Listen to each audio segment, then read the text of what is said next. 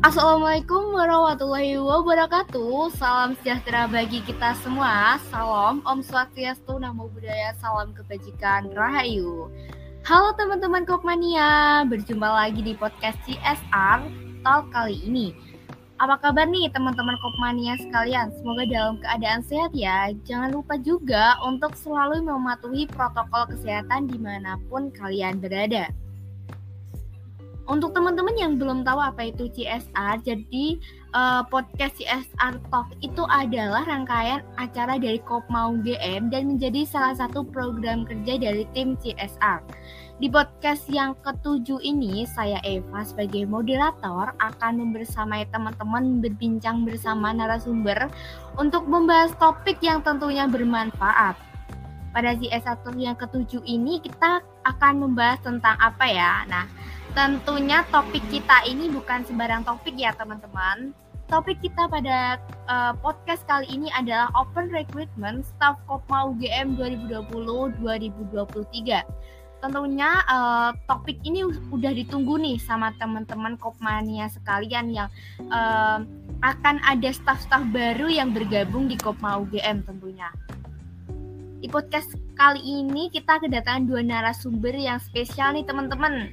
Kenapa kedatangan dua narasumber? Karena uh, pada kesempatan ini uh, kita nggak akan sendirian nih bahas tentang open recruitmentnya, tapi kita akan langsung nih berbincang dengan staff yang udah uh, di Kopma UGM selama beberapa tahun ke belakang ini. Nah, kali ini ada Johar dan juga ada Ica yang akan menjelaskan terkait open recruitment staff ini.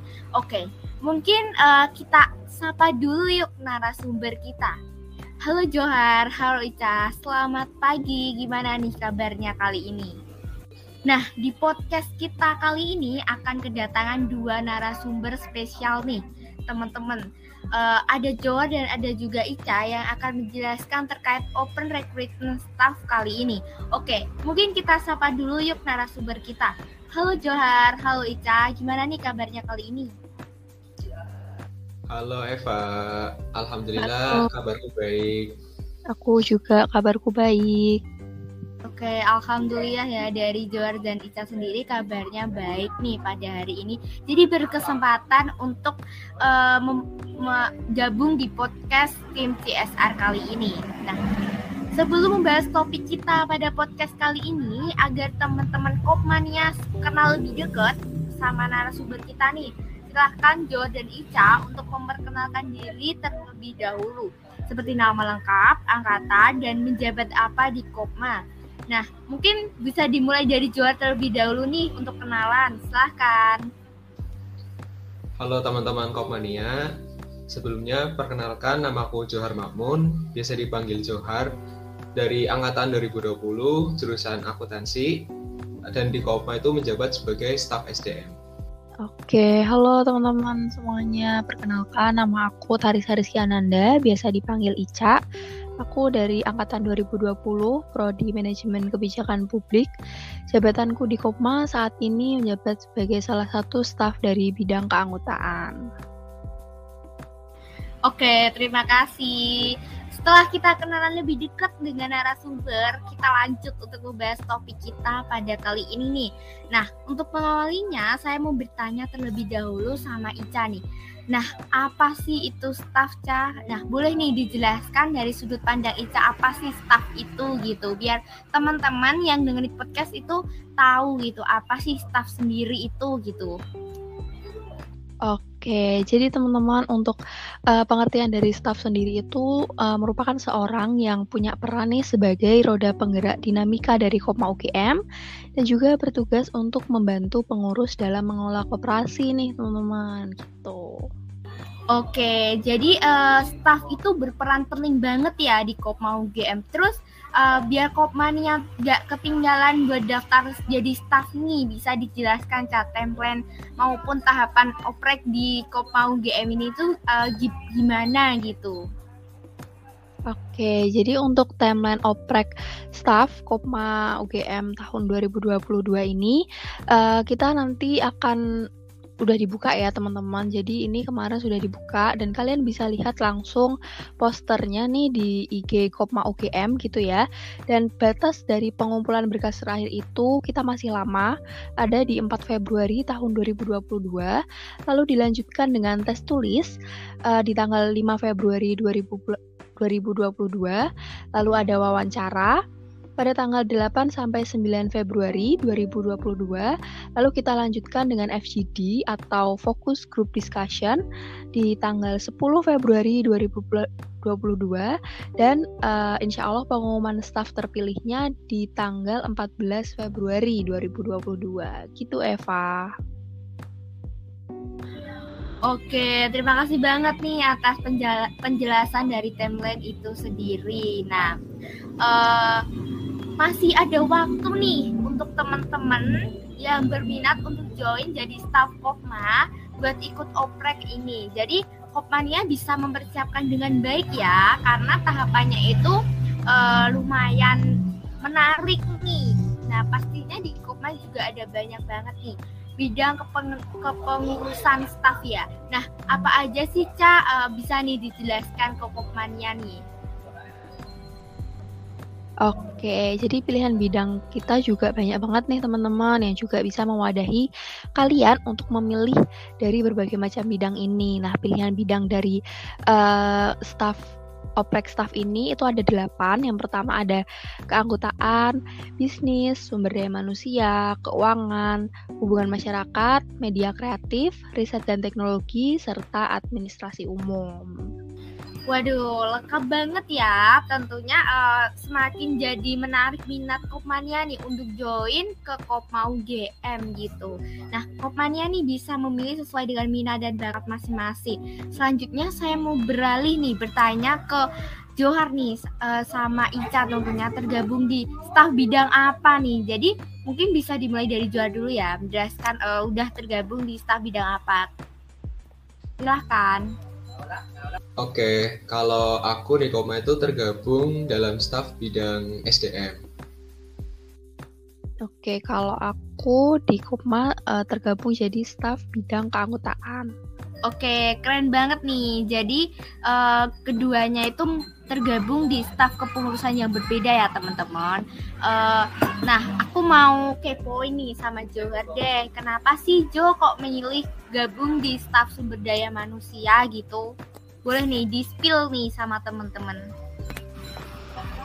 Oke, uh, jadi uh, kenapa sih aku milih ke bidang SCM? Sebenarnya itu lebih ke coba-coba aja sih masuk bidang SCM jadi kan uh, aku pengen ini kan tahu bisnis koma tetapi uh, backgroundku kan dari akuntansi nih dari keuangan jadi aku pengen tahu bisnis koma itu gak cuma dari sudut pandang keuangan tapi aku pengen mencoba dari perspektif lain yaitu dari sudut pandang bidang SDM gitu. Jadi pengen lebih tahu dan explore tentang bidang sumber daya manusia gitu kalau dari aku Aduh, keren banget ya. Uh, tentunya itu juga punya alasan tersendiri ya teman-teman untuk gabung di staf sumber daya manusia nih.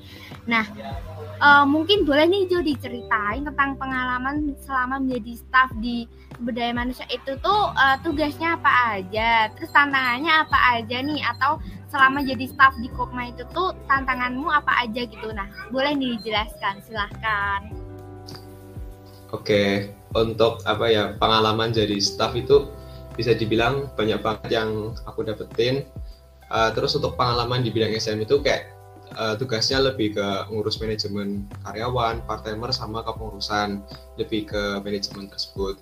Terus untuk apa ya pengalaman itu mungkin bisa teman-teman dapetin sesuai dengan bidang yang teman nanti teman-teman bakal daftar karena ada delapan bidang. Nah untuk uh, tugas staff yang lain disesuaikan sama bidang masing-masing seperti itu. Terus untuk tantangan, tantangan itu mungkin lebih ke cara bagaimana sih teman-teman bisa memanage waktu dan baik karena kadang itu ada beberapa proker dari Kopma yang tak berakan sama tugas kuliah, jam ngerjain tugas kuliah sama tugas kelompok. Jadi bisa mungkin teman-teman kayak bisa memprioritaskan dulu nih mana yang lebih penting dulu. Tetapi tenang aja teman-teman karena uh, dalam bidang masing-masing bidang koma itu teman-teman nggak sendiri ada staff lain yang bakal ngebantu teman-teman. Oke, wah uh, seru banget ya share pengalaman dari Joer itu sendiri. Nah tentunya kita kalau join di organisasi itu atau kepengurusan tentunya kita harus punya manajemen waktu nih teman-teman dan jangan khawatir di dalamnya pasti ada kerja tim yang selalu bantu kita kalau kita ada yang uh, mungkin kewalahan atau ada yang perlu dibantuin gitu.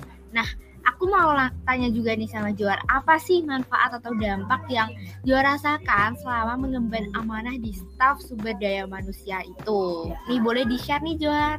Oke, jadi untuk uh, apa ya manfaat atau dampak yang aku rasain itu, jadi kayak lebih apa ya bisa beneran terjun ke dunia bisnis secara langsung karena Koma itu kan apa ya dunia usaha sekaligus organisasi dan UKM juga. Jadi uh, teman-teman nanti dapat pengalaman ngurus bisnis, terus juga pengalaman organisasi juga dapat. Terus uh, dari apa yang aku rasain juga, jadi kayak lebih terbiasa untuk mengatur waktu gitu.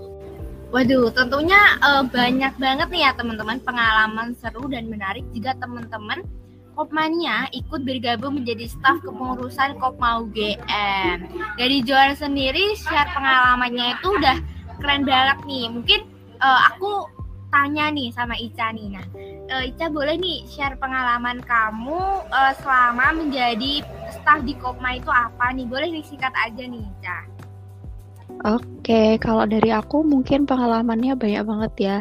Uh, dari staf bidang keanggotaan sendiri itu kan lebih ngurus tentang anggota anggota dari Kopma UGM. Jadi kalau di aku lebih keranahan pengembangan uh, pendidikan, lalu ada staff oprek staff, lalu ada oprek aspid juga. Nah itu benar-benar kayak membantu aku untuk uh, apa ya melaksanakan sebuah acara, terus mengorganisir, memanajemen waktu juga, dan pastinya tetap ada kerja tim gitu. Aduh keren banget nih tentunya dari penjelasan uh, Joher sama Ica tadi udah nih memberikan gambaran dan motivasi buat teman-teman Kopmania untuk mendaftar oprek staff nih. Nah, mungkin sebelum podcast ditutup nih, dari Jo dan Ica bisa memberikan closing statement atau ajakan ke teman-teman Kopmania yang dengerin podcast kali ini untuk mendaftar oprek recruitment dari staf kepengurusan Kopma UGM 2022-2023. Dipersilahkan. Oke, mungkin dari aku dulu ya. Oke, buat teman-teman yang pengen cari pengalaman di dunia usaha sekaligus sebagai sekaligus organisasi, bisa banget nih teman-teman join oprek staff Koperasi Koma UGM. Tenang aja teman-teman, di Koma itu kita bakal berdinamika dan berproses bareng. Jadi jangan ragu kalau sebelumnya teman-teman belum ada pengalaman organisasi sebelumnya. Semisal teman-teman ada pertanyaan lebih lanjut, bisa menghubungi aku atau Ica lewat nomor yang sudah tertera di postingan Kopek Staff Kopma di Instagram Kopma UGM. Oke, betul banget nih yang dibilang sama Johar ya. Kalau dari aku mungkin bilang kalau Kopek Staff ini tuh kesempatannya hanya datang satu kali setahun nih ya. Jadi jangan sia-siakan kesempatan ini. Terus juga pastinya akan uh, banyak benefit yang kalian dapatkan gitu. Mungkin kalian bisa dengar dari paparan aku dan Johar tadi. Jadi tunggu apa lagi nih teman-teman, mumpung waktunya masih banyak ya. Sampai Februari nanti silahkan mendaftar uh, oprek staff ya. Thank you. Terima kasih Ica dan Johan. Nah, nggak terasa nih teman-teman kita sudah berada di akhir podcast nih. Nah teman-teman jangan lupa ya catat tanggalnya ya ikut daftar di Open Recruitment Staff Kopma UGM 2020-2021 di link pendaftaran yang ada dan kepoin juga staff yang ada di Kopma UGM nih. Nah, berhubung ini merupakan uh, podcast ketujuh atau podcast terakhir dari tim CSR sendiri, kami uh, tim CSR saya mewakili Gina dan Dita mengucapkan banyak terima kasih kepada teman-teman Kopmania yang udah senantiasa dengerin podcast kita dari awal bulan hingga podcast terakhir kita nih. Stay tune juga di Instagram Kopma ya di Kopma UGM untuk mendapatkan update info terbaru dari oprek staff dan info yang lainnya dari Kopma UGM. Saya Eva sebagai moderator, mohon maaf bila ada kesalahan. Sampai jumpa teman-teman. Wassalamualaikum warahmatullahi wabarakatuh.